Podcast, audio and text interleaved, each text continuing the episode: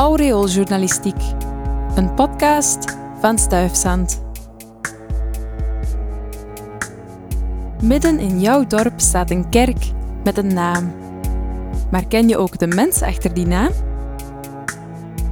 Vandaag vertelt Sanne van Loveren je het verhaal van de heilige Franciscus van Assisi, die in de katholieke kerk gevierd wordt op 4 oktober. Armoede troef. In 2013 werd er een nieuwe paus verkozen, die als naam Franciscus koos. Een naam met een programma. Maar wie was de heilige Franciscus? Jullie kennen hem waarschijnlijk het beste als patroonheilige van de dieren en het milieu. Zijn feestdag, 4 oktober, werd in 1931 uitgeroepen tot Werelddierendag. Franciscus had een enorm respect voor alle levende wezens, want hij zag hen als een lovenswaardig deel van Gods schepping.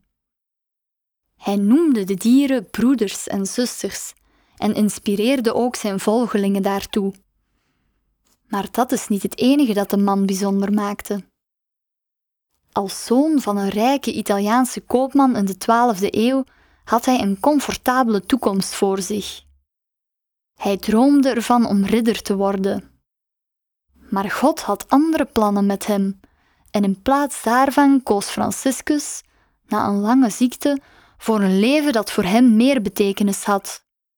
Een leven van armoede, gebed, vreugde en dienstbaarheid. Hij begon zijn bezittingen uit te delen aan de armen. Zijn vader ging daar niet mee akkoord en verplichtte hem alles terug te geven dat hij ooit van hem had gekregen. Uit protest, en niet zonder humor, deed Franciscus zelfs zijn kleren uit en hij gaf ze terug aan zijn vader. Hij zette zijn plannen door, stichtte samen met enkele volgelingen een kloosterorde en ze noemden zich Minder Broeders. Die naam kon hem blijven aansporen om altijd nederig te blijven en een materieel eenvoudig, maar geestelijk rijk leven te leiden. Je zou kunnen zeggen dat Franciscus een minimalist avant la lettre was. Zijn tijdgenoten waren daar diep van onder de indruk. De modernistische Sint-Franciscuskerk van Geel-Elsum, die gewijd is aan deze heilige, is ook een toonbeeld van soberheid. Ze zou zeker op zijn goedkeuring kunnen rekenen.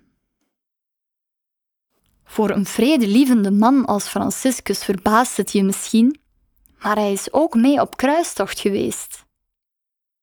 Niet om te vechten, maar om de Egyptische sultan Al-Kamil te kunnen ontmoeten en zo te leren elkaar beter te begrijpen. In een tijd waarin dat je je kop kon kosten en waarin iedereen dacht dat hij op vlak van godsdienst gelijk had, is dat best bewonderenswaardig. Vandaag de dag kunnen we een voorbeeld nemen aan Franciscus' voorkeur voor dialoog boven geweld. Maar even terug over die dierenliefde.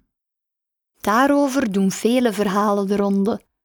Maar het spectaculairste is toch wel het verhaal van Franciscus en de wolf. Bij de stad Gubbio dwaalde een grote wolf rond en de stedelingen durfden de stad niet meer te verlaten uit angst voor het hongerige dier. Franciscus volgde de wolf naar zijn woonplaats om te kijken of hij iets aan de situatie kon doen.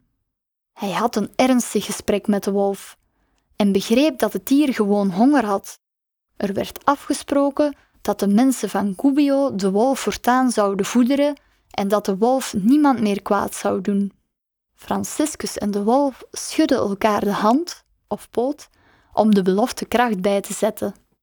De wolf ging in de jaren daarna van deur tot deur om gevoerd te worden, en toen hij enkele jaren later stierf van ouderdom, werd hij door de mensen erg gemist. De wolf herinnerde hen immers aan het bezoek van de heilige Franciscus.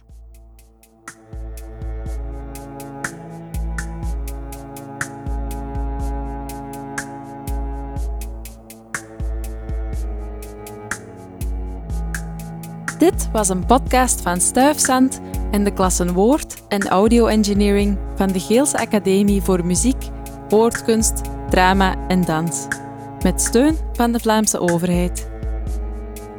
Heb je nog vragen, suggesties of opmerkingen?